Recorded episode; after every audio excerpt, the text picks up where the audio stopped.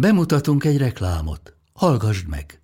A Mesélyanyukámat a Vodafone Podcast Pioneers programja támogatja. Segítségükkel így még több anyának mesélhetünk, nem csak anyákat érintő, edukatív és inspiráló témákban. Ez reklám volt. Szerettük.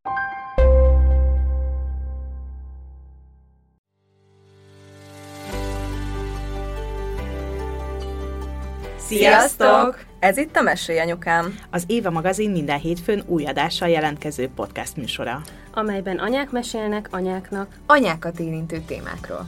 Én Zubor Rozália vagyok. Én Andrész Timi. Én Véner Kovács Fanni. Én pedig Lugosi Dóra. Vágjunk is bele, lássuk, vagyis halljuk, mi a mai témánk. Magyarországon évente 8000 baba jön a világra túl korán, vagy túl kis súlyjal, akiknek emiatt első napjaikat, de akár heteiket is a koraszülött osztályon kell tölteniük. Míg mi aranyórázunk, már éjszakázunk, szenvedünk a sebeinkkel és a tej beindításával, addig sok esetben ezeket a babákat édesanyjuk sokáig meg sem foghatja, karjába se veheti, amíg nem elég erősek, nem nőnek meg elég nagyra. A súlyosodó járványügyi helyzet miatt ma a beszélgetésben mindannyian online veszünk részt, így két vendégünk is, Szilító Zsófia, akinek kisfia rekeszizomsérve született, ami miatt a szülés után rögtön a Bókai Gyermekklinika újszülött intenzív osztályára került, és Kálmán Anna Mária is, a Bandussal az Élet Instagram írója, akinek a kisfia a 26. hétre született, emiatt pedig három hónapot töltött a Picen. Ma, november 17-én, a koraszülött babák világnapja alkalmából ők mesélnek nekünk. Igazából nem is emlékszem szinte arra a pár percre, csak ilyen címszavak vannak meg, hogy intenzív műtét, lélegeztető, picosztály, nem tud így szülni, nem tud természetes úton szülni, és azt éreztem, hogy így a testem így lezsibbadt, és mintha így kiszálltam volna a, a testemből, és így felülről nézem magunkat, és így azt hajtogattad, hogy nem, nem, nem, ez, ez egyszerűen nem történhet meg. Nem is tudtam, hogy hogy leszek így anya. Mert hogy elkezdtünk bejárni a picre, és, és ott volt egy kisbaba, egy inkubátorban, akire azt mondták, hogy az én gyerekem. És egészen addig egyébként, amíg nem kengurúztam, nem is voltam benne biztos, hogy, hogy, hogy én anya vagyok. Fokozatosan jött, jöttek az érzések, egyre több és egyre több érzés azzal kapcsolatban, hogy, hogy igen, ez, ez így jó, és, és már nem kell engedélyt kérnem arra, hogy megfogjam, már nem kell várnom arra, hogy kivehessem, hanem itt van, és bármikor megfoghatom, bármikor megpuszilhatom, és, és én vagyok az anyukája, és én vagyok az anyukája, tehát nekem mindent meg kell, hogy tegyek érte. Sziasztok! Nagyon szépen köszönjük, hogy elfogadtátok a meghívásunkat. Ma november 17-e van, a koraszülettek világnapját ünnepeljük, mert azt hiszem, hogy mondhatjuk, hogy ez egy ünnepnap.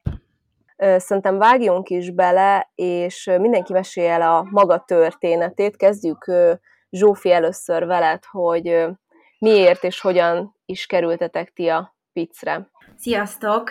Nekünk igazából egy teljesen tökéletes várandóságunk volt a férjemmel a, a járvány ellenére, és egy rutin ultrahangra mentünk a 40. héten, ahol az NST mellé néztek egy ultrahangot, ahol hát megtörtént velünk az, amit nem akartam látni az ultrahangos arcán, hogy összeúzta a szemöldökét, és, és mondta nekünk, hogy ennek a kisbabának jobb oldalt van a szíve.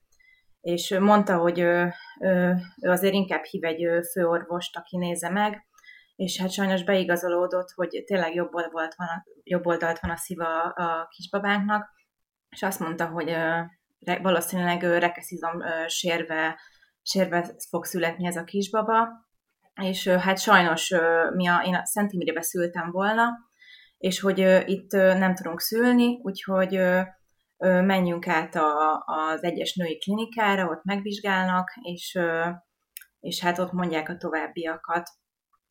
És át is kerültünk azonnal, ahol folyamatos vizsgálatok voltak, és, és, és nézték, hogy a kisbabánknak elég lesz a tüdeje, mert igazából a rekeszizomsérp ez azt jelenti, hogy a, a rekeszizmán van egy kis lyuk, amin a, neki például a belei és a, a lépek került fel a mákasába, ezzel elnyomva a, a, a szívét jobb oldalra, és mondták ott, hogy szerencsére lett annyi tüdeje, hogy életképes lesz, és, és hát elmondták, hogy meg fog születni, megszülhettem természetes úton, utána azonnal intubálták, vitték a, az intenzív osztályra, két naposan megműtötték, és hát utána mi két és fél hetet töltöttünk az intenzív osztályon, utána pedig még velem egy hetet együtt lehettünk a csecsemő osztályon. Körülbelül egy hetet volt lélegeztetőn, amikor sikerült őt levenni, és azóta Soma önállóan lélegzik. És ez, bocsánat, a terhesség során ez egyáltalán nem is derült ki korábban? Tehát nem volt ennek semmi előjele, vagy ez egy ilyen hirtelen kialakuló dolog tud lenni? Nem, ez képzeljétek el, hogy ez egy pont hétfői ö, információ, amikor ö, sikerült beszélnünk végre egy ö, genetikussal, aki nagyon jól elmagyarázott nekünk végre mindent, hogy ugye elvileg a, a rekeszizom a 7 és a 10. Ö, ö, hét között alakul ki, akkor zárul és a somának annyira pici volt ez a sérve, és mivel a lépe kerül fel, valószínűleg hátul volt neki ez a sérv, hogy olyan pozícióba feküdt mindig, hogy ezt az icipici lyukat nem lehetett látni. És elvileg a, a belek a 37. hétig, a szülés előttig ilyen kis leengedett lufi állapotban vannak, majd elkezdenek készülni a szülésre, születésre, meg a születés utáni életre, és elkezd nyomás lenni, vagy valamivel megterítődik a bél, és ezzel, ezáltal kerültek fel a belek a melkasába, és mi utoljára a 36. héten voltunk ultrahangon, és ott még elvileg nem lehetett látni. Maximum, így amikor észre is vették a 40. héten, ugye akkor már fent voltak, és így vették észre, hogy, hogy el van csúszva a kicsi szíve, meg a, meg a belek ugye fent vannak. És miután megszületett, így megműtötték, azután így he, helyre tették a szerveket, vagy jól ki tudott fejlődni végül a tüdő?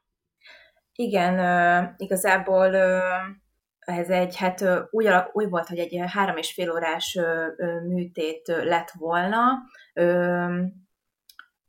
Ugye a somát kétnaposan műtötték, és visszaraktak minden szervet a helyére, zárták a sérvet, csak úgy érezte a sebész doktornő, hogy, hogy biztos, ami biztosra megy, hogy nehogy jobban szétnyúljon, még kapott egy ilyen kis foltot is a soma, úgyhogy neki 110%-os elvileg most be van foltozva az a kis lyuk, úgyhogy minden a tüdeje szerencsére, mivel ugye a 30 felteltően a 37. hét után kerültek fel ezek a kis szervek, egy minimálisan kisebb a, a, a baloldali tüdeje, és teljesen jól kinyílt neki, és, és, és azóta is igazából ugye voltunk azóta pulmonológusnál is, kardiológián is, és, és annyit mondtak, hogy hát valószínűleg ez a kisfiú nem fog maratont futni, meg nem lesz élsportoló, de mondtam, hogy, vagy mondtuk a férjemmel, hogy nekünk ez így tökéletes, hogy, hogy, hogy, hogyha nem fog maratont futni. Bár most nem látjuk egymást, mert uh, ugye nem úgy vesszük fel ezt az adást, hogy uh, együtt ülnénk a stúdióba, de nem tudom figyelmen kívül hagyni Zsófi, hogy a hangodon hallom, hogy meg-meg-remeg, és jól érzem, hogy ez még ugye a mai napig nagyon felkavar téged, hogy mesélnél arról, hogy ez téged amúgy hogy érintett anyaként? Hú, hát igen, jól hallod. Picit így tudatosan is próbáltam ezt az egészet vinni magamban, és így úgy éreztem, hogy ez a mai podcast felvétel lesz nekem ez a végső, próbálom ezt végső, végsőleg lezárni, hiszen van egy egészséges, most már egészséges kisbabánk, és hogy, hogy uh-huh. most már tényleg százszerékosan élvezzük, és, és aggódás. Nyilván nem lesz aggódásmentes sosem, de hát hogy, igen hogy hát nem tudom leírni azt az érzést, hogy, hogy igazából egy, azt terveztük, mikor elmentünk el az ultrahangra, az utolsó ultrahangra a 40. héten, hogy csak még elvittük a kis kutyánkat, és a férjem ott szaladgált a kutyánkkal a kórház előtt, én bementem simán egy NST ultrahangra kis csokimmal, és akkor közli velünk az ultrahangos, és utána, és igazából végig úgy voltam bele, kicsit reménykedtem, hogy nem, ez nem, tudja, hogy félrenézte. Ez, ez, ez, ez mi, mi, a legjobb helyeken voltunk ultrahangon, hogy nem lehetett észrevenni, hogy ennek a gyereknek nem jó helyen van a szíve. Mm. És, és, és akkor jött a főorvos, és, és azt éreztem, hogy hogy elkezdtem mondani, ilyen, igazából nem is emlékszem szinte arra a pár percre, csak ilyen címszavak vannak meg, hogy intenzív műtét, lélegeztető, picosztály, nem tud így szülni, nem tud természetes úton szülni, és azt éreztem, hogy így a testem így lezsibbadt, és mintha így kiszálltam volna a testemből, és így felülről nézem magunkat, és így uh-huh. azt hajtogattad, hogy nem, nem, nem, ez, ez egyszerűen nem történhet meg, hogy ez, ez hogyan. Igazából nem az volt, hogy, hogy volt időnk feldolgozni, hogy, hogy, hogy ez van, és hanem volt rá egy napunk, hogy, hogy akkor most ki kell derülnie, hogy hogy van ez a kisbaba, és utána ö, meg kell születnie. Nagyon kíváncsi vagyok rá, hogy hogy milyen is az élet, meg, meg milyen is az első időszak, amikor, amikor nem tudod, amikor nem beled van a babád, amikor az intenzív osztályon van, de először, mielőtt erre rátérünk, Ancsi, elmeséled nekünk te is a ti történeteteket? Persze. Hát nálunk igazából úgy volt, hogy decemberben estem teherbe, minden nagyon jól ment. Voltak kisebb-nagyobb problémák, de, de nem tudtam be komoly okot ennek. Mm, úgy gondoltam, mivel első terhességről volt szó, hogy, hogy ezzel jár a dolog, fájt, a derekam fájt, a hasam, egyszer-kétszer volt egy ilyen pecsételővérzésem, akkor nyilván irány az ügyelet, megnézték minden rendben, havonta jártunk kontrollra a fogadott orvosomhoz, ő is azt mondta, hogy igazából minden rendben van, aztán a 18. hét magasságában voltunk megint egy ilyen kontrollon, ez áprilisban volt, amikor mondta a dokim, hogy hát úgy látja, hogy lehet, hogy egy picit nyitva van a, a mészáj, és nem gondolunk ebbe problémát, pihenjünk sokat, feküdjek, lehetőség szerint ne csináljak semmit, és akkor minden rendben lesz. Azt azért igazából jelzem, hogy, hogy én végigfeküdtem januártól, amikor legelőször véreztem, már akkor végigfeküdtem az egészet, tehát nagyon semmit nem csináltam, de akkor még intenzívebben feküdtem tovább, biztos, ami biztos. És akkor májusban visszamentünk kontrollra újra, ez május elején történt, és ö, említettem a dokimnak, hogy ugye ez van, ezt mondta az elmúlt hónapban, hogy, hogy nyitva van a mészáj, és mondta, hogy természetesen akkor megnézi, megnézzük, hogy, hogy, hogy mi a helyzet. Na és akkor, akkor egy hüvely ultrahanggal megnézte, hogy mi a helyzet, és hát láttam rajta, hogy annyira nem örül annak, ami most van, kérdeztem, hogy mi a baj, és mondta, hogy hát igazából már a teljes nyakcsatorna egy ilyen egy centiméterre nyitva van. Hát fogalmam sem volt, hogy ez mit jelent, de rossz, mert ő is meg volt ijedve, én is megijedtem egyértelműen. Azt mondta, hogy akkor most elkezdünk egy ilyen szteroid kúrát nekem, ez négy inekcióból áll, és ezzel érleljük a baba tüdejét, hogyha esetlegesen hamarabb születik meg, akkor, akkor, akkor legyen lehetősége ugye az önálló légzésre. Jó, nagyon örültünk neki, vagyis hát nem, de hát nyilván amit lehetett, azt megtettük megkaptam ezt a négy szurit, és akkor rá pár napra elkezdtem görcsölni. Mm, ilyen enyhe menzes görcs, görcsszerű fájdalmaim voltak, amikor felhívtam az orvosomat, hogy szeretnék, szeretném, ha megint megvizsgálna, és akkor elmentem hozzá, újra megvizsgált, és akkor mondta, hogy itt már be kell, hogy feküdjek a kórházba, mert, mert, mert bármi megtörténhet. Hát akkor a 23. héten jártam, igazából nagyjából a világom omlott össze, hogy akkor most menni kell, és mit csináljak? Hát még semmi nem volt. Vettem három darab ruhát a gyereknek, meg egy plüst, és, és, és, és ennyi nem tudom, hogy mit fogunk csinálni. Nem festettünk ki, nem csináltunk semmit. Apa otthon marad egyedül, hogy rendezi be a gyerekszobát, amikor azt én akartam, és a többi, és a többi. De hát nyilván megtesszük bandusért, amit meg kell tenni, akkor befekszünk. Ez volt a 23. héten, és és, és akkor vártunk. Minden nap kaptam gyógyszert, kaptam magnéziumot, kaptam ilyen enyhe nyugtatót, ugye, ami majd csökkenti az összehúzódásokat, hogyha esetlegesen elindulnak, és akkor így teltek a napjaink. Kettő hetet töltöttem bent a kórházban, Ö, és amikor már, ahogy folyamatosan telt az idő, igazából én úgy gondoltam, hogy minden teljesen rendben van, ö, minden nap meghallgatták a baba szívét, nagyon jó volt, mocorgott, el volt, nem nyíltam tovább sehova, hát igazából tökéletes volt minden, de hát ugye bent kellett maradni, hisz az a legbiztonságosabb hogyha valami baj van, akkor ott biztosan el tudnak látni. És akkor május 26-án történt az, amikor ugye megszületett a bandus reggel, hogy, hogy felkeltem, indultam a mosdóba, és akkor tüsszentettem egyet, és akkor éreztem, hogy valami van. Húha, akkor most mi lesz? Megnéztem, hát vérzik.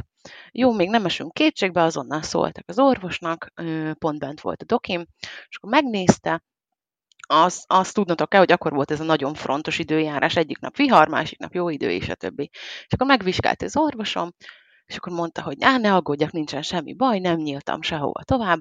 Ö, annyi történt, hogy valószínűleg éjszaka a front hatására a gyerek szétrugdosta a, a mészájamat, és akkor ezért volt egy enyhe vérzés. Oké, okay, jó, rendben. Elhittem, minden rendben, és akkor telt a nap, és akkor az esti órákban egész nap fájdogált a hasam. De úgy, úgy annyira nem tudtam én ezt be semminek, mert, mert máskor is fájdogált a pocakom. Este elmentem mosdóba, ez olyan 8-9 óra magasságában történt, és, és még mindig véreztem, de minthogyha már erősebb lett volna az a vér. Akkor szóltam a nővérkének, hogy hát ez így szerintem nem jó, átvittek a szülőszobára megnézni enestén, hogy mi újságok vannak, és, és akkor azt látták, hogy nincsenek fájások.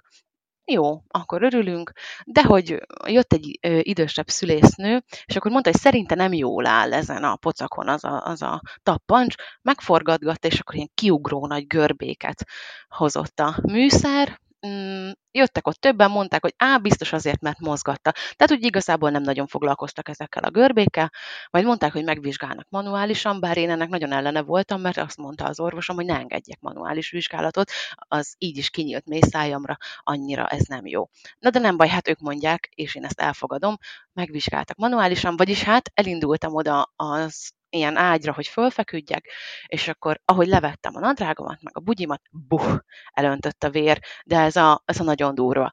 Ö, mindenhol folyt a vér, és akkor egyszerre nagyjából tíz dolog történt, jött három orvos, jött öt szülésznő, és akkor mondták, hogy azonnal feküdjek föl, megvizsgáltak, és akkor láttam az orvos arcán, hogy hát ez valami nem jó buli, az, és akkor ennyit mondott, hogy azonnal ki kell venni. És akkor itt voltunk 26 plusz nullák, tehát 26 hét volt kerekem, és hát hú, az egy nagyon szürreális élmény volt akkor és ott, hogy ő, fölfektettek, ö, katétereztek, ö, intravénásan kaptam nem tudom micsodát, ö, ö, megborotváltak, közben én igazából csak annyit tudtam mondani, hogy hívják már fel a férjemet és az orvosomat, mert valami nagyon nem jó, és én nagyon félek, és volt egy nagyon kedves szülésznő, egy fiatal szülésznő, aki ott állt mellettem, és szorongat, a kezemet, és mondtam, hogy hát ugye a telefonomat ne hagyjuk már el, meg itt a karkötőm a férjemtől kaptam az esküvőre, ezt se hagyjuk már el, de nagyon gyanítom, hogy ezt már igazából sokkosan mondtam, mert nem ez volt a legfontosabb abban a pillanatban.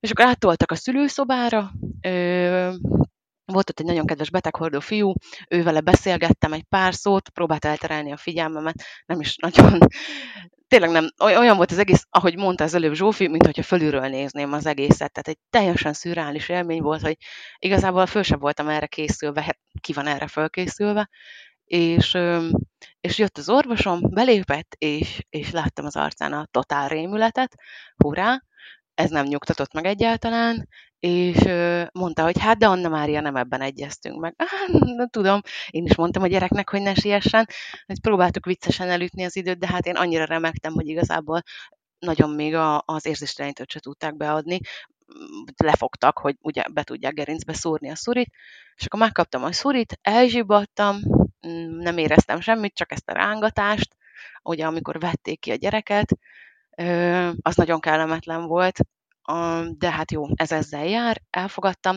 és akkor kivették a gyereket, és akkor mondtam, hogy valaki mondja már valamit, legalább azt, hogy kisfiú vagy kislány, mert igazából százszerzalékra még azt se tudtuk, hogy kisfiú vagy kislány a babó, és kivették a gyereket, és mondta a doki, hogy kisfiú, és hogy majd, ha tolnak kifelé, akkor megnézhetem egy percre. Jó, valamit hallottam, hogy nyöszörög, nem sírt föl, de nyöszörgött, az már egy jó jel volt, legalább tudtam, hogy él, és akkor közben engem összevartak, addig ellátták a babát, mint utól, utólag kiderült, az első kettő percben újra kellett éleszteni, mert szívritmus zavara volt, de szerencsére minden rendben volt. Kettes, hatos, nyolcas ábgárral született, tehát a végére már egész jól fölturbozta magát bandus, és miután összeférceltek engem, ahogy toltak kifelé, akkor és ott láthattam egy pillanatra, hát 935 grammal született a bandi, tehát igazából akkora volt, mint a tenyerem, vagy, vagy egy picit nagyobb, és nem nagyon láttam belőle semmit, mert már akkor csövek lógtak ki belőle, annyit sikerült kinyögnöm, hogy, hogy, hogy ó, igen, az én orromat örökölte, hurrá, és akkor utána ki is toltak. A folyosón találkoztam a férjemmel, aki hát igazából szerintem soha az életemben nem láttam még így megijedve, de legalább hát próbált megnyugtatni, tehát ő próbálta elrakni az ijegységét, és megsimogatta a kezem, és mondta, hogy minden rendben lesz, ne aggódjak, de hát akkor már toltak is föl a posztoperatív osztályra. Ö, és akkor miután megérkeztek a cuccaim, meg megérkezett a telefonom, akkor fölhívott a férjem, és akkor beszéltünk egy pár szót, hogy látta a bandit, de hát csak annyit látott, hogy milyen pici szőrös keze van, és és hogy el is vitte utána a koraszülött mentő a bandit a picre. Engem meg ugye föltoltak a, a, a posztoperatívra, és akkor ott töltöttem az éjszakát, ami szörnyű volt, nagyon-nagyon rossz, fájt, remektem, minden baj volt, meg hát ugye nem tudtam, hogy most mi van a gyerekemmel. Följött még az orvosom, és mondta, hogy, hogy majd holnap kapok infókat a bandiról, és ö, utána pedig ö, annyit mondott, hogy hát majd a következő terhességnél máshogy csináljuk, és így hatalmas szemekkel néztem rá, hogy ezt ugye most nem gondolja komolyan doktor úr, hogy én valaha a büdös életbe többet terhes szeretnék lenni. Jaj, majd megszépülnek az emlékek. Uh-huh, értem, rendben. Akkor minden jót kívánok.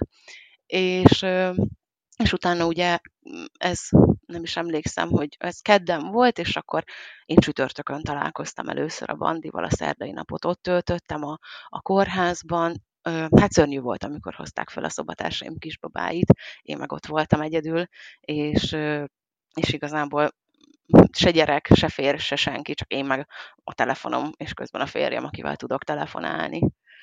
Hát ez volt a maga szülés történetünk ez a posztoperatív osztály, ez mit jelent? Én ilyenről még nem hallottam. Mm, oda viszik azokat az anyukák, a császáros anyukákat, tehát az operáció utáni anyukákat, vagy akiknek nagyobb műtétjük volt, ö, a, a, ők vannak ott fönt, ö, úgy van, hogy az anyukák, akik császárra szültek, ugye nem koraszülött a babájuk, vagy tehát velük van a gyermekük, ők ott vannak egy napig, és akkor a következő napon már mehetnek le a csecsemős osztályra, és akkor ott vannak a babákkal. De én végig fönt voltam ezen az osztályon. Ja, értem. És mennyi ideig voltál ott? Ö, úgy volt, hogy kedden született a bandi, és pénteken mehettem haza. És milyen ilyenkor hazamenni gyerek nélkül gyakorlatilag? Hát, azt nem tudom, hogy milyen gyerekkel hazamenni, de, de szörnyű volt. Tehát, hogy igazából én, a három csomagom, a hatalmas hasfájdalmaim, és a, a férjem ballaktunk hazafelé egy taxival, hát nem tudom, ott ültem egy picit, néz, vártam, hogy odaérjen Feri, és akkor néztem, ahogy a sok anyuka meg apuka hordozóval viszik haza a gyereküket, én meg azon gondolkoztam, hogy, hogy vajon életben van a gyerekem, tehát hogy igazából konkrétan nagyon rossz volt. Szörnyű, szörnyű. De hogy igazából ezeket én nagyjából elraktam valahova nagyon mélyre. Próbáltam bezárni ezeket a fájdalmaimat, hogy, hogy, hogy mert ha elengedem és kiengedem, akkor szerintem én ott, ott meghalok. Mert nagyon-nagyon rossz volt. És Ancsi, neked ezt azóta sikerült amúgy feldolgoznod, vagy segített ebben valaki? Mert hogy azért ez egy elég, elég traumatikus élmény. Most egy császár, ahol ugye egy sürgőségi császár lezajlik, az is nagyon mély sebeket tud hagyni szerintem, illetve egy koraszülés is nagyon maradandó, nem pozitív élményeket tud hagyni. És azóta te beszéltél erről, akár a pároddal együtt a családban, vagy szakemberrel, hogy ezt, ezt hogy sikerült feldolgoznod? Hát azért úgy gondolom, hogy teljesen feldolgozni lehet, hogy soha nem fogom tudni, Uh-huh. de azért valamelyest enyhít például az, hogy írok róla. Nem Uh-huh. vagyok valami nagy író, vagy bármi, akár még igazából mindig csak a gondolataimat írom le, de azért sokat segít az, hogy lehet, hogy valaki, a, aki éppen most van ennek az útnak az elején, az elolvassa, és, és neki is segít. A, természetesen a férjem az, az tetőtől talpig mindent tud, és, és, és mindig mellettem áll, tehát a, nála jobb férjet nem is kívánhatnék magamnak, de azok a, a családtagjaink például, vagy hozzánk közel álló emberek, akik ebben nem érintettek, azok nem tudják ezt elfogadni, és sokszor például, amikor valamely családtagomnak meséltem róla, hogy hogy szükségem lenne egy kis segítségre, vagy arra, hogy, hogy kiöntsem a lelkem, akkor kaptam olyan választ is, hogy, hogy jaj, erős vagy, te ezt meg tudod oldani egyedül is.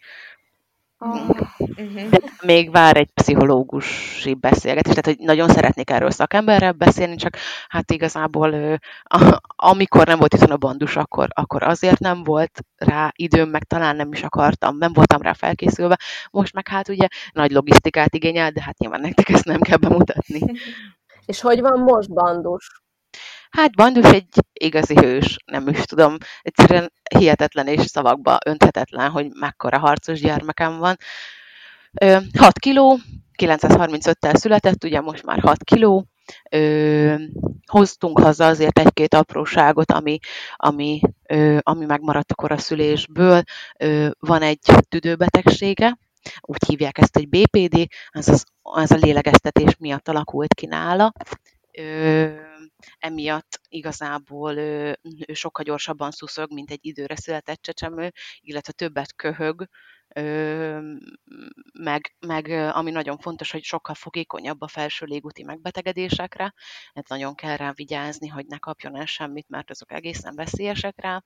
Volt egy szemproblémánk, az is a lélegeztetés miatt alakult ki nála, úgy hívják, hogy ROP, és ez azt jelenti, hogy ugye, ahogy fejlődtek az erek a szemében, ez hivatalosan ugye 40. hétre kifejlődik, tehát amikor a, megszületnek a kisbabák, akkor már náluk max. egy-két hétig még fejlődnek az erek. Na most Bandi ugye 70, 60 napig volt lélegeztetve, és, és a, a túlzott oxigén miatt ezek az erek a szemében elburjánztak. És ez annyira elburjánzhat, hogy akár bemegy a retinája alá, és leválhat a retinája.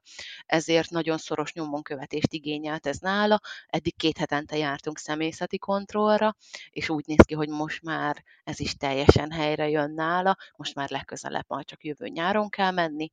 Pont ma voltak a férjemmel kardiológián, mert nyitva maradt a magzati ér a szívében, ez is bezárult, még egy dologgal kevesebb, összességében igazából ezeket a dolgokat hoztuk haza, de úgy szépen fokozatosan növögeti ki ezeket, tehát hogy mondhatom azt, hogy jól van. Jaj, de jó, azt nagyon jó hallani. Én amúgy mindig csodáltam a, a koraszülött gyermekek anyukáit. Valamilyen szinten én is ugye koraszülött gyermekek anyukája vagyok. Ugye nekem az ikrek 35 hétre születtek, ami papíron koraszülöttség, de igazából mi, mi nagyon-nagyon távol voltunk ettől, ahol, ahol ti jártatok az élményeim is nagyon mások, de amikor bent voltunk a koraszülött osztályon, mi a, a Péter Sándor utcai kórházban voltunk a lányokkal, ez nálam is egy ilyen teljesen újra tervezés volt, ugyanis én az Uzsoki utcai kórházban szerettem volna szülni, ott volt a választott orvosom, és nekem is aznap, amikor otthon a 35. hét első napján délután háromkor elfolyt az egyik lánynak a magzatvize, akkor ugye mikor bementünk a kórházba, akkor ért ilyen teljesen hideg zuhanyként, hogy akkor teljesen más orvosnál, teljesen más gárdánál és teljesen más intézménybe fognak megszületni a, a gyerekeink. És én két hétig voltam bent a lányokkal a koraszült osztályon, mert egy hét után hazamehettünk volna, mert ők elég szépen gyarapodtak, meg hát tényleg mi ott tényleg elég rendesen kilúgtunk a sorból, de nálunk akkor lett egy ilyen tejallergia gyanú, ami miatt bent tartottak minket, és én ott két hétig lent voltam egy anyaszobába, közvetlenül a korosztályt osztály mellett, ami egy elég megterhelő dolog volt, mert hogy ott a sok műszert, a légzés figyelőket, meg a szívhangfigyelőket mindig hallani volt, akinél beriasztott nagyon sokszor az ilyen nagyon pici babáknál, úgyhogy nekem az maradt meg ilyen nagyon-nagyon nehéz élményként, de az, hogy a, a koraszülött babák anyukái, apukái mennyi energiával, kitartással rendelkeznek, én ezt sose fogom elfelejteni, hogy rajtam kívül mindenki bejárós anyuka volt, tehát így nekem lehet, hogy azért engedték meg, hogy ott maradjak, mert tudták, hogy záros határidőn belül biztos, hogy haza fogunk menni, és annyira pici babák voltak ott, és emlékszem, hogy kengurúztak ott a babákkal, ami most aki nem tudja, hogy kengurúzás az mit jelent, hogy elmondom, hogy amikor így a melkasára fektetik a babát, ugye teljesen testkontaktusba, és ö, emlékszem, hogy én teljesen, teljesen ö, meg voltam rémülve, hogy ugye nekem megszülettek az ikrek, mint első gyermekek, és hogy, hogy számomra ők is picik voltak, meg lógott a bőr rajtuk mindenhol, de hogy amikor bejött egy, egy koraszülött babának az anyukája látogatási időbe, és emlékszem, hogy küzdöttek azzal, hogy az a pár csepp anyatej, hogy le legyen fejve, hogy lemenjen a baba torkán, és fú, én nagyon tehát úgymond nagyon sok erőt merítettem, hogy akkor az én kihívásaim, meg az én félelmeim az ez ehhez képest semmi, mert hogyha ők ennyire tudnak küzdeni és kitartani, és mosolyol az arcukon be, illetve kilépni, akkor, akkor én is meg tudom csinálni. Úgyhogy én ezt itt test közelből megtapasztaltam, és én, én tényleg nagyon felnézek így a koraszülött gyermekek anyukáira. Jó, hogy említetted Fanni a kengurúzást, mert hogy nekem pont ez a kérdés fogalmazódott meg, hogy ugye felügyelet mellett úgy tudom, hogy a 25-29. héten világra jött csecsemővel is el lehet kezdeni a kengurúzást, amikor ugye az anya vagy az apa, illetve a baba közötti bőrkontaktus létrejöhet. Ti kengurúz, kengurúztathattátok a babátokat? Mm, igen. Bár ez is egy izgalmas része a történetünknek. Úgy volt, hogy 26-án született a bandi, és június elején már először meg is kaptuk ö, kengurúzásra. Én voltam az első delikváns, aki kengurúzott vele. Akkor volt egy kiló, ilyen 1000, 1050 gram a legjobb emlékeim szerint.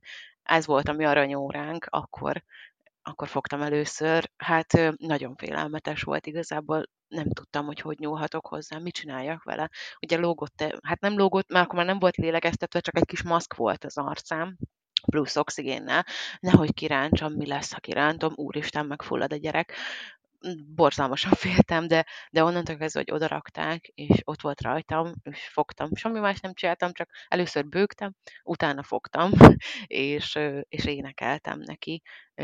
Fantasztikus volt nem is tudom szavakba önteni, hogy akkor mit éreztem, hogy végre megfoghatom a kisbabámat, akármilyen törékeny az én babám is itt van, és rajtam van, és velem van utána még egy jó párszor kengurúztunk, aztán, aztán nem lehetett. Hát volt egy ilyen baktérium, ami igazából nem volt veszélyes a bandira, de hogy ez egy olyan baktérium volt, ami így az intenzív osztályokon telepszik meg, az a neve, hogy szerrácia, és, és benne volt ez a bandi orrába. És ahhoz, hogy ez ne fertőződjön tovább, tehát ne menjen át másik kisbabákra, vagy bármi, ne hordjuk át, nem lehetett megfogni a bandit, amit egyébként nem értettem, mert én másik gyerekhez nem nyúltam hozzá. Tehát, hogy én csak a saját gyerekemet szerettem volna megfogni, de elfogadtam, hogy jó, akkor ezt nem lehet, akkor ott egy hónapig nem kengurúztunk, aztán addig-addig jártam a védőnő nyakára, meg ott szomorkodtam, meg sírtam neki, hogy de hát még ennyit se, hogy végül aztán egy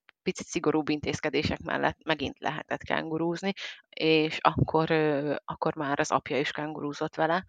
Ó, ez életem legszebb pillanata volt, amikor, amikor az apja pocakján feküdt Bandi, az csodálatos volt, és akkor, és akkor utána megint lehetett egy jó két hétig vagy három hétig kengurúzni, és akkor utána végül is ez a baci megmaradt, és, és csak, csak sikerült a másik kisbabának is, aki a szobatársunk volt, valahogy átvinni, vagy elkapta ezt a bacit, majd szépen sorba egyre több kisbaba elkapta ezt a bacit, és, és akkor az egész picosztályt lezárták, és akkor kitakarították, tehát egy ilyen konkrét nagy fertőtlenítés volt a picen, és akiknek megvolt ez a bacia, az, azok külön szobába kerültek. Összesen négyen voltunk ebben a szobában, Hát az nem volt egyszerű időszak, mert amikor külön kerültünk, akkor egy nagyon pici kis szűk szobában lehetett a, a, látogatni a bandit, és napi 20 percet engedélyeztek, és nem lehetett benyúlni se, tehát hogy még a talpát se lehetett megfogni az inkubátorba. Ez, ez volt talán a legnehezebb, azt hiszem két hét ez időszak alatt, mert tehát a, a Feri, az a Bandi apukája Feri, őt, őt teljesen, tehát mondta, hogy ő inkább nem is hajlandó bejönni, tehát hogy 20 percet lássa a gyereket, úgyhogy más mondja meg, hogy hozzá se nyúlhatunk, ő ezt nem hajlandó elfogadni. Nyilván egyébként bejött, de de, de nagyon küzdelmes volt, rengeteget sírtunk az idő alatt. Ö, volt, amikor csak telefonáltunk a picra, hogy mondják, hogy hogy van a bandi, volt, amikor csak én jártam a picre, és akkor utána szerintem a bandi ezt megérezte, mert ö, ott, ott úgy volt, hogy tényleg nem bírjuk már tovább, és, és beleszakadunk, és akkor a bandi úgy döntött, hogy köszöni szépen, neki nem kell tovább gyomorszonda, és ö, el lehetett kezdeni cumis üvegből etetni, és onnantól kezdve mehettem etetni. Először csak napi egyszer, majd napi kétszer, majd az utolsó három hétben már ott voltam az összes etetésénél, de kengurúzni ott július közepétől már nem is kengurúztunk egyáltalán. Zsófi, ti tudtatok kengurúzni?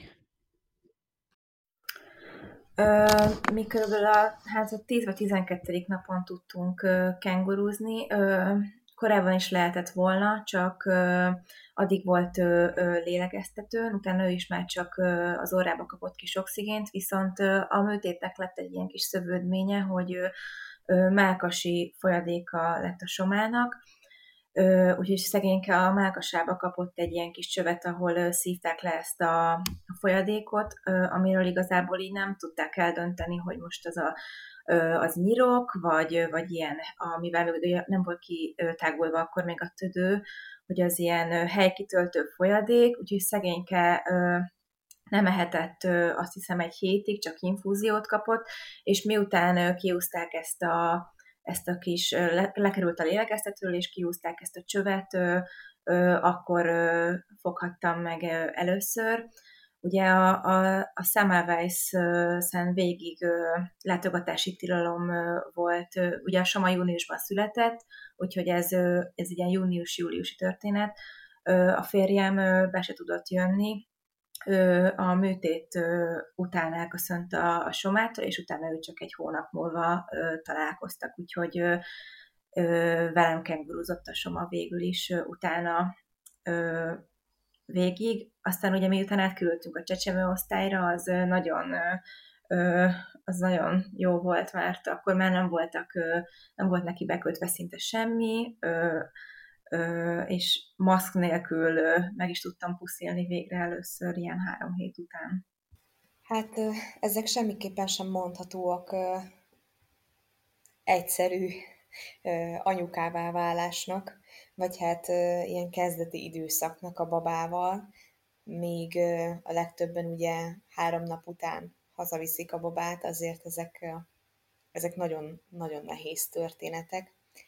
És az lenne a kérdésem hozzátok, hogy azóta hogyan alakulnak így a, a mindennapjaitok, tehát mi az, ami végigkísér benneteket így a gyermekeitek állapotával kapcsolatosan, gondolok itt, hogy említettétek ugye az orvosi vizsgálatokat, vagy egyszerűen máshogy viselkedtek, más szülők lettetek, mint amire számítottatok, vagy amit elterveztetek, tehát azért ez egy elég meghatározó élmény, így tényleg a szülővé válásban, és ti ezt hogy érzitek? Hát azt írtam egyszer a blogomba, vagyis hát most nem túl régen, hogy nem is, nem is tudom, hogy nem is tudtam, hogy hogy leszek így anya. Mert hogy elkezdtünk bejárni a picre, és, és ott volt egy kisbaba, egy inkubátorban, akire azt mondták, hogy az én gyerekem amit egyébként a kis testével ö, ki is fejezett, mert hogy ugye ö, görbe a kis ujja, mint nekem, hat lábúja van, mint nekem, tehát ezt már tudjuk, hogy biztos, hogy az én gyerekem, de hogy igazából, hogyha nem lettek volna ilyen kis ismertető jegyei, lehet, hogy nem hittem volna, hogy az enyém. És, és akkor elkezdtük, elkezdtünk járni, csináltuk, tettük a dolgunkat monoton módon, én fejtem éjjel-nappal állandóan örökké, vittem a tejet, ameddig bírtam vinni, és akkor, és akkor adtam annak a kisbabának, akire még mindig azt mondom, hogy azt mondták, hogy az enyém. És akkor sokat gondolkodtam rajta, hogy, hogy hogy fogok én így anya lenni, vagy hogy fog ez kialakulni, vagy, vagy, vagy mit kellene, hogy érezzek. Mert hogy mit éreznek az anyukák ilyenkor. És, és egészen addig egyébként, amíg nem kengurúztam, nem is voltam benne biztos, hogy, hogy, hogy én anya vagyok. Ö, és akkor utána szépen fokozatosan elkezdett ez kialakulni, de igazán az anyaságom az akkor kezdődött, amikor kijöttünk a kórházból. Hát, hogy mm, fokozatosan alakítottam ki magamban azt az érzést, hogy, hogy igen, ő, ő az én babám, és, és először csak azt tudtam, hogy el kell látnom. Azt beszéltük a férjemmel, hogy életben kell tartanunk. Ö, majd, majd később fokozatosan jött jöttek az érzések, egyre több és egyre több érzés azzal kapcsolatban, hogy, hogy igen, ez, ez így jó, és, és már nem kell engedélyt kérnem arra, hogy megfogjam, már nem kell várnom arra, hogy kivehessem, hanem itt van, és bármikor megfoghatom, bármikor megpuszilhatom, és, és én vagyok az anyukája, és én vagyok az anyukája, tehát nekem mindent meg kell, hogy tegyek érte, és, és el kell, hogy lássam, és el kell, hogy vigyem a, a kórházba, ha muszáj, és a legerősebb ilyen érzés az első alkalom volt, hazahoztuk az első héten, majd a második héten vinnem is kellett ugye a, a személyzeti kontrollra, és az a mit fogok csinálni, ha sír, mit fogok csinálni, hogyha éhes, mit fogok csinálni, hogyha valami olyan történik, hogy félrenyel, és, és bármi, és akkor leültem, és akkor azt mondtam magam, hogy Ancsi az anyja, vagy meg fogod oldani. És tényleg megoldottam. És ez volt talán az a vízválasztó amikor, amikor úgy éreztem, hogy most már jó, és azóta igazából már egészen gördülékenyen mennek a napjaink. Járunk kontrollra, hetente legalább egy kontrollunk biztos, hogy van. Ö, és, és itthon vagyunk, nem nagyon megyünk sehova nyilván a miatt, mert a, mondtam, hogy a felső légúti megbetegedésekre nagyon hajlamos a bandi. Ö, jönnek a nagyszülők, de csak ők, mások nem jöhetnek még látogatni, és, és megyünk mi a nagyszülőkhöz. Nagyjából így telnek el a napjaink. Eszünk, alszunk, amit egy kisbaba csinál. Nekem is hasonló érzéseim voltak, mint Ancsinál, hogy ott feküdt ez a pici, ott feküdt a Soma az inkubátorban, és, és nekem az volt kicsit az elején ilyen nagyon rossz érzés volt, hogy ami teljesen érthető, hogy, hogy az ott dolgozó nővérek és orvosok ugye őket védik, hogy, hogy, hogy engedélyt kellett kérni, hogy egyáltalán benyúlhatok, vagy hogy, hogy kérdeztem, hogy egyáltalán beszélhetek-e hozzá, vagy hogy folyamatosan ugye mindent megkérdeztem inkább, hogy nehogy rosszat csináljak, és egyszer emlékszem, hogy nagyon sírt a Soma, és, és uh, szinte összeszorult a szívem, hogy, hogy egyszerűen, hogy milyen anya vagyok, hogy énekeltem, és nem tudom megvigasztalni, és ezzel ostoroztam magam, hogy, uh, hogy, hogy így mi lesz, hogy így nem fogom soha megvigasztalni. Aztán meg olyan volt még egyszer, hogy mentem, már mentem ki a picről, mentem az utcán, és így megálltam így, te jó ég, ott hagytam a somát, így, így belém ütött ez az érzés, hogy te jó ég, hát mi, vagy, mi van velem, hogy ott hagytam, aztán eszembe jutott, hogy a szegénykének még ugye ott kell maradnia. Aztán ugye mi átkerültünk a csecsem osztályra az intenzív osztályról, ami ugyancsak nekem jó érzés volt, hogy végre olyan erős a soma, hogy, hogy átkerültünk a csecsemőre, viszont nagyon ijesztő volt, hogy ugye addig végig monitorozva volt ugye a, a légzése, a pulzusa, hogy, hogy rendesen veszi a levegőt, és, és bementem hozzá a csecsemőosztályra, a második naptól aludhattam csak ott vele, és ott volt a soma, és nem volt rajta semmi. És akkor így, én így, így kétségbe esve hívtam a férjemet, hogy de hát honnan tudjam, hogy jól van, és és akkor utána végül is ez egy végül is egy jó átmenet volt nekünk, hogy ugye mi hét után végig is utána haza is vihettük a csecsemő osztályról, és ez egy jó átmenet volt, hogy nem ö, lekerült a, hogy hogy még monitorozva van, és hazahoztuk, hanem láttam, hogy jó, igen, tényleg ő, ő nagyon jól van, és, és ezért került át oda, és ez ilyen végül is így magabiztossá tett, és abban az egy hétben mi, mi azért próbáltunk nagyon jól összeszokni, nagyon sokat szeretgettem, és, és énekeltem ugyanúgy, ahogy a, a pizzán is, aztán ahogy hazajöttünk igazából, utána így benne vagyunk ebben a körforgásban, ugyanúgy, hogy eszünk, alszunk, játszunk, sétálunk nagyokat, hát igazából mi szerintem egy kicsit azért fél, féltős szülők lettünk ezáltal, ami nagyon érthető. Hát mi most egy, egy majd másfél hónapja már nem is engedünk be senkit a lakásba, a Soma is hajlamos azért a légúti megbetegedésekre, és mi azért ettől a járványtól nagyon féltjük őt. Hát barátaink, meg a, a család is ugye úgy találkozik velünk most már, hogy sétálunk, ö, hát az elején, amikor még nyáron akkor jöttek a nagyszülők, és akkor voltak velünk, Úgyhogy igazából most már így nagyon-nagyon kiegyensúlyozottan telnek így a napok. Ami egy ilyen viccesebb történet az aggódásunkról, amit beszéltük a férjemmel az interjú előtt, hogy mindenképpen meséljek el, hogy nyáron ö, lementünk a Dunapartra sétálni, de hogy ö, nagyon sok volt a szúnyog. És az előzményként tudni kell, hogy a, a keresztlányunkat, ö, meg az arcát ö, megcsípte egy szúnyog, ami valószínűleg ö, ilyen vegyszer, ö, ilyen permetezve volt az a szúnyog, és szegény kislánynak ö, ö, feldagadt nagyon az arca. És hát mi ettől totál bepánikoltunk, hogy nehogy a somát megcsípje egy szúnyog, mert akkor mi lesz. És hát ö, hazaértünk a sétáról, és látjuk, hogy a balkárján van egy csípés és ami hétről hétre egyre csúnyább és csúnyább lett, a végén pedig elkezdett ilyen sárga, kennyes lenni. Hát mi pánikolva rohantunk be a, a, az ügyeletre, hogy hát doktornő legyen szíves megnézni a somát, mert hogy, hogy a kezén van egy szúnyogcsípés, ami elfertőződött. Bementünk, megnézte a somát, és közölt, hogy nyugodjanak meg, ez a karja, és ez egy gyönyörű BCG oltás. Úgyhogy Úgyhogy azóta, azóta akárhova megyünk, és az összes orvos megérzi, hogy na, ennek a kisfiúnak milyen szép BCG oltása van. Még azóta is mondogatjuk a somának, hogy mikor fürdetjük, hogy soma, ez egy gyönyörű BCG oltás. Mondjuk ezt szerintem az első gyermekes szülők javarésze amúgy is megcsinál ilyeneket. A második emlékszem... gyerekesek is. Igen. Én, én emlékszek arra, amikor a lányokat hazahoztuk a kórházból, és hát annyira hát két kilósak voltak, és ugye beraktuk nekik szépen már előtte, születésük előtt összeraktuk a szobájukat, azért ikreknél általában lehet rá számítani, hogy korábban jönnek, úgyhogy mi emiatt mindennel korábban végeztünk, és hát szépen be voltak készítve a kiságyba a légzésfigyelők, hazajöttünk a kórházból, és hát ugye én is tele voltam így parával, főleg ahogy ö, említettétek is, hogy ö, hogy hát hogy, hogy fogok tudni helytállni. Hát két hétig ott voltunk a kórházban, konkrétan mindenki segített, mindenki ott volt körülöttem, nem is igazán volt alkalmam még akkor kipróbálni magamat anyukaként. Én például bevallom őszintén, hogy a lányokat szerintem ilyen kettő-három hónapos korába fürdettem először.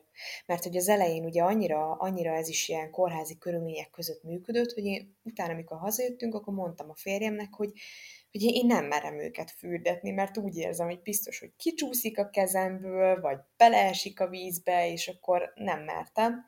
Na de a történethez visszatérve, hogy hazajöttünk első éjszaka, hát ugye mindenki halálizgalomba, én szerintem le se a szememet, és első éjszaka megszólalt a légzésfigyelő, és akkor, mint akit kiugrasztottak az ágyból, meg csípett a darázs, vagy valami, és akkor rohantam, mint az eszeveszett őrült, hogy úristen, a gyerek a gyerek, melyik gyerek egyáltalán, melyiknél van gond, és mind a kettő édesdeden aludt, és egyszerűen csak annyi történt, hogy annyira könnyűek voltak, hogy nem érzékelte őket a légzésfigyelő, és át kellett állítani, hogy érzékenyebb legyen, és hogy az ők is akkor pehely súlyukra be legyen állítva.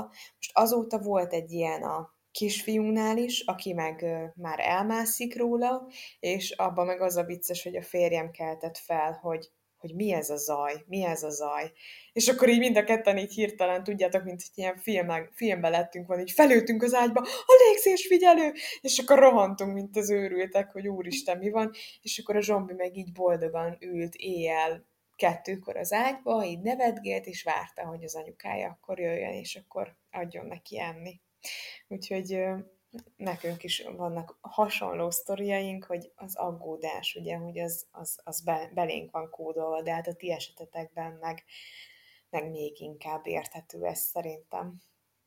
Bármilyen fejlesztés, vagy az orvosi vizsgálatokon kívül bármilyen ilyen, nem tudom én, plusz dolog egyébként van a, a koraszülött babákkal, amivel így pluszban foglalkozni kell, vagy nem tudom én, ilyen idegrendszeri vizsgálatokra gondolok, biztos arra is így el kell menni, vagy, vagy erről meséltek egy kicsit, hogy ilyen van-e egyáltalán?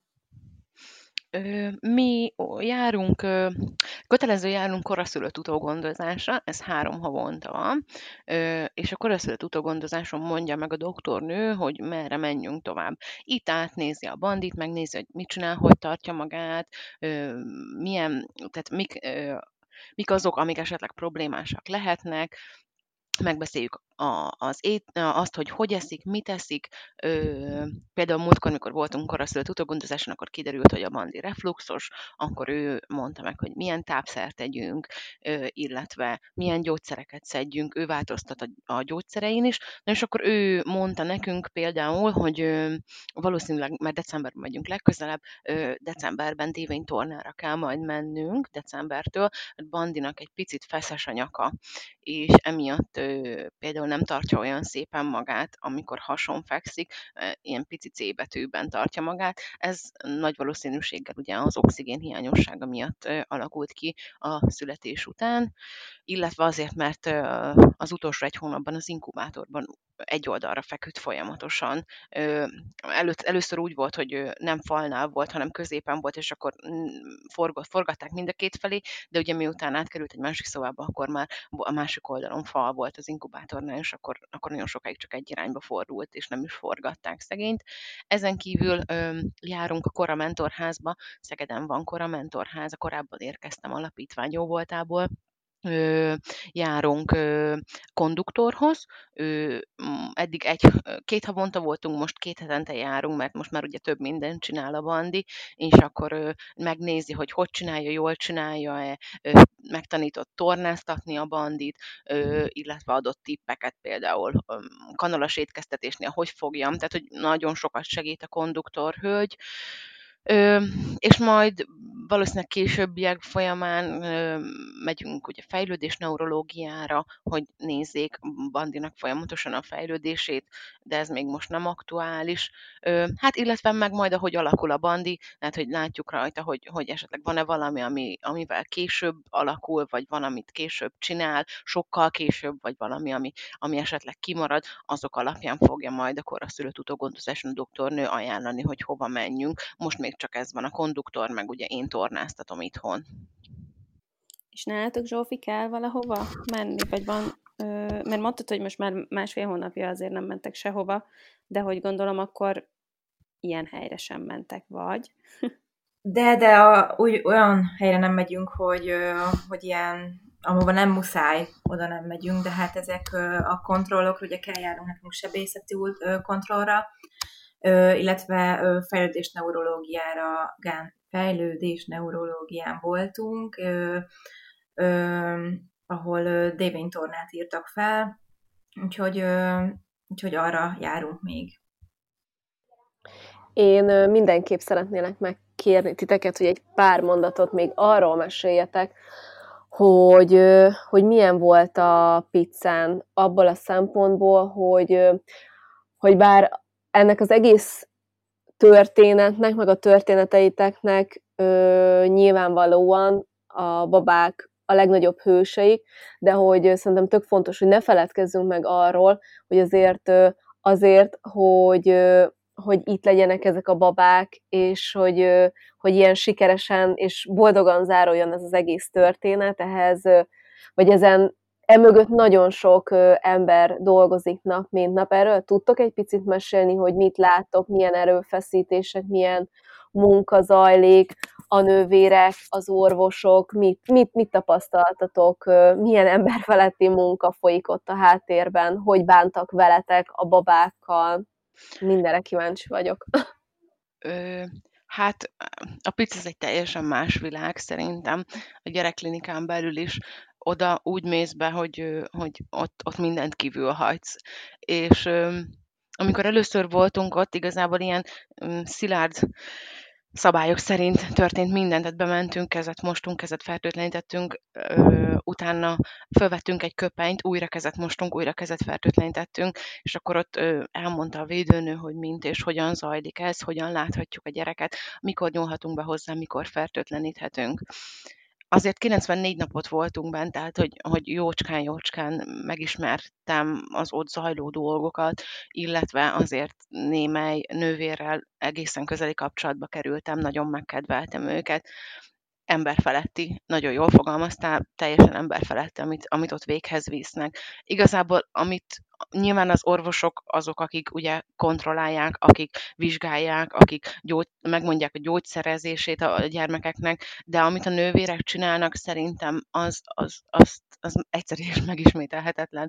Én úgy lát, úgy dolgoznak nálunk a picen a nővérek, hogy reggel 6-tól este 6-ig, vagy ugye este 6-tól reggel 6-ig, és és, és végig ott vannak, és csinálják, és, és, és kőkeményen beleállnak. Nincs olyan, hogy kimész kávézni, ha csipog, azonnal ott kell lenned, ö, mindent meg kell tenned azért, hogy ez a gyerek jól legyen, és, és, és emellett nagyon sok nővérke nem csak a gyereket ápolta, hanem, hanem engem is, vagy a Ferit is, ö, mert, mert segített, mert, mert beszélt hozzánk, mert elmondta, elmondta azt, hogy ez miért van. Emlékszem, amikor bekerült a band, és utána ugye a második napon meglátogattuk, először láttuk, egy nagyon kedves, azóta egy szívemhez közel álló nővérke volt a bandival, és akkor mondta, bemutatkozott, és akkor elmondta, hogy ez a monitor ez, itt ezt kell nézni, az a jó, hogyha a görbe ilyen fenyőfa alakúan mozog, és ennél a számnál alább nem eshet a szaturációja, de egyébként fertőtlenítsék le a kezüket, és akkor fogják meg a kis lábát, és mondta, és mondta, és mondta, és, és utána végigkövette a bandi teljes fejlődését, és ö, utolsó előtti nap, mielőtt hazajöttünk, akkor is ő volt bent, és megfogta a kezemet, és mondta, hogy látja anyuka, hogy megcsináltuk? És, és ő nagyon sokat köszönhetek például neki, sokszor ő járt azért, hogy, hogy levegyék bandiról a, a kanült, ami ugye az arcán volt, volt, hogy egy picit formálódjon az arca, ne nyomja el a, a, a, a kanül, tehát ne legyen deformált az arca. Ő beszélt hozzá, simogatta, csodálatos volt látni, hogy ha már én nem tehetem meg ezt, és másra kell bíznom a gyermekemet, akkor olyan emberre bízhassam a gyermekemet, aki maximálisan és százszerzalékosan ott van, és oda teszi magát. És ezért azt mondom, hogy a leges legtöbb nővérre ez volt a jellemző, hogy vigyázott ránk, vigyázott a gyerekre, és, és, és egészen közel került a szívükhöz a bandi, múltkor voltunk kontrollon, és akkor fölmentünk a picre. Bemenni nyilván már nem megyünk be, meg itt a vírushelyzet miatt azért nem is, nem is javasolt, meg, meg nem is engednek be minket, de becsöngettem, és akkor kijöttek a nővérkék is, teljesen a csodájára jártak, hogy, hogy mekkora már a gyerek, és hogy milyen, milyen sokat fejlődött, és hogy milyen büszkék rá. Talán úgy gondolom, hogy egy picit az övék is, hiszen ők voltak vele 0-24, és ez, ez, ez mindennél többet jelent. Az orvosok is fantasztikusak, de ugye ők talán egy picit távolabb maradnak, távolságtartóbbak a gyerekkel kapcsolatban. Ők mm, úgy, úgy fogalmaztam ezt meg ö, régebben, hogy ők, ők a reálisak, ők azok, akik megmondták azt, hogy, hogy ez a baj, az a baj, ez történt, az történt. A nővérke azért úgy, úgy, úgy, úgy sok esetben megsimogatta a kis lelkünket, hogy minden rendben lesz. A doktornő, ő azt mondta, hogy ez lehet, ez fog történni, vagy ez fog történni, de a, a nővérke az, az mindig ott állt mellettünk, meg a védőnő is. Nagyon sokat köszönhetek a védőnőnek is. Tehát, hogy összességében az, aki ott dolgozik, az szerintem nem dolgozik, az a hivatását teljesíti ott. És, és nem láttam nagyon olyan embert, aki azt mondta volna, hogy nem szereti. Nyilván ugye megvan a, a hátránya, hiszen mindannyian tudjuk, hogy mi van az egészségügyben, nem is akarok én ebbe belemenni, de akkor is erőn felül teljesítenek, és megtesznek mindent a gyerekért. Ha, ha, ha nincs is meg a körülmény, akkor is a jó nővér, ezt még a legelső nap mondta a nővérke, a jó nővér mindent megcsinál, és mindent megtesz, és én ezt százszerzalékosan így gondolom, és minden tiszteletem az övék, mert ők nem lettek volna, akkor mi sem vagyunk így egy család. Igen, én is hasonlókat tapasztaltam, amit Ancsi, hogy a, ahogy belép, beléptünk a picre, az ott is bezárult az az ajtó, utána ott belen voltál a kis burokban, ahol, ahol mindenki azért volt, hogy azok a kisbabák ö, jól legyenek, és ö, és én is azt tapasztaltam, hogy nem csak arra figyeltek akár a nővérkék, akár az orvosok, hogy az a baba, vagy a soma például meg a többi kisbaba jól legyen és felépüljön, hanem hogy azért minket is erősítettek ilyen apróságokkal, és tényleg erőn felüli munkát végeznek napi szinten, és volt, hogy nem is értettem, hogy reggel is ott volt ugyanaz az orvos, vagy a nővérke, és délután is, és másnap is Úgyhogy, és ilyen apróságokra is odafigyelnek, hogy ha nem volt jó az, az a cumi, ami mondjuk a Soma elfogadta, akkor hozott akár egy hatodikat, vagy hozta a másik takarót, hogyha nem volt elég puha, vagy vagy mindenféle játékokat, zenélőket hozott, hogy, hogy kicsit megnyugtassa a somát, ügyögtek, simogatták, hogyha nem voltunk ott, úgyhogy én is csak pozitív tapasztalataim voltak, illetve voltak biztosítottak pszichológust, aki amíg mondjuk simogattam a somát, akkor beszélgetett velem, illetve volt, van ez a program, a Te hangodat ismerem, ahol egy hölgy gitárral, és közösen énekeltünk a, a, a somának, és hát ez, ha már oda kerültünk, ez volt az életem egyik legsz, ott, a, az, ott töltött napok egyik legszebb pillanat, amikor tényleg fogtam a, a Soma kezét, és közösen énekeltünk neki, és ez annyira a, abban a nehéz helyzetben annyira feltölt és erőt ad, és, és mellette még ő is bíztatott, hogy, hogy, hogy erős, milyen erősek vagyunk, és, és a Soma is, és, és, és én is, hogy, hogy ezt, ezt meg tudjuk együtt csinálni. És nálam igazából még az orvosok is ilyen apróságokkal odafigyeltek, hogy ültem a somát, néztem, és akkor odaugrott egy orvos, hogy na, jó a soma tévé? És akkor elnézett a monitorra, igen, én elégedett vagyok, úgy látom, jó a soma tévé. Vagy hogyha egy vizsgálatnál mondjuk jó eredmény kapott a soma, akkor így nézték az ultrahangon, és akkor így mi például azért szorítottunk sokat, hogy ne legyen neki mákasi folyadék, mert hogy akkor tudunk hazamenni. És akkor vizsgálta az orvos, és, és akkor mondja, hogy nincs, le, nincs mákasi folyadék, és így kikacsintott, és így rám kacsintott, hogy jó, nincs mákasi folyadék, nagyon ügyes a soma. Úgyhogy én, én, én, mi a, a Tomival örökké hálásak leszünk a Bóké utcai összes nővérének, orvosának, a pszichológusnak, aki a, a zeneterapeutának, akik, akik nem csak, hogy tényleg minket is, meg, ö, hogy tudtunk egy család lenni, az ő, nekik köszönhetünk mindent igazából.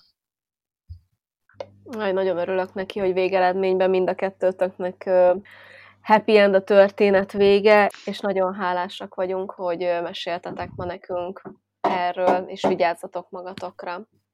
Ti is vigyázzatok magatokra. Köszönjük a lehetőséget. Nagyon szépen köszönjük. Köszönjük. Sziasztok! Sziasztok! Sziasztok!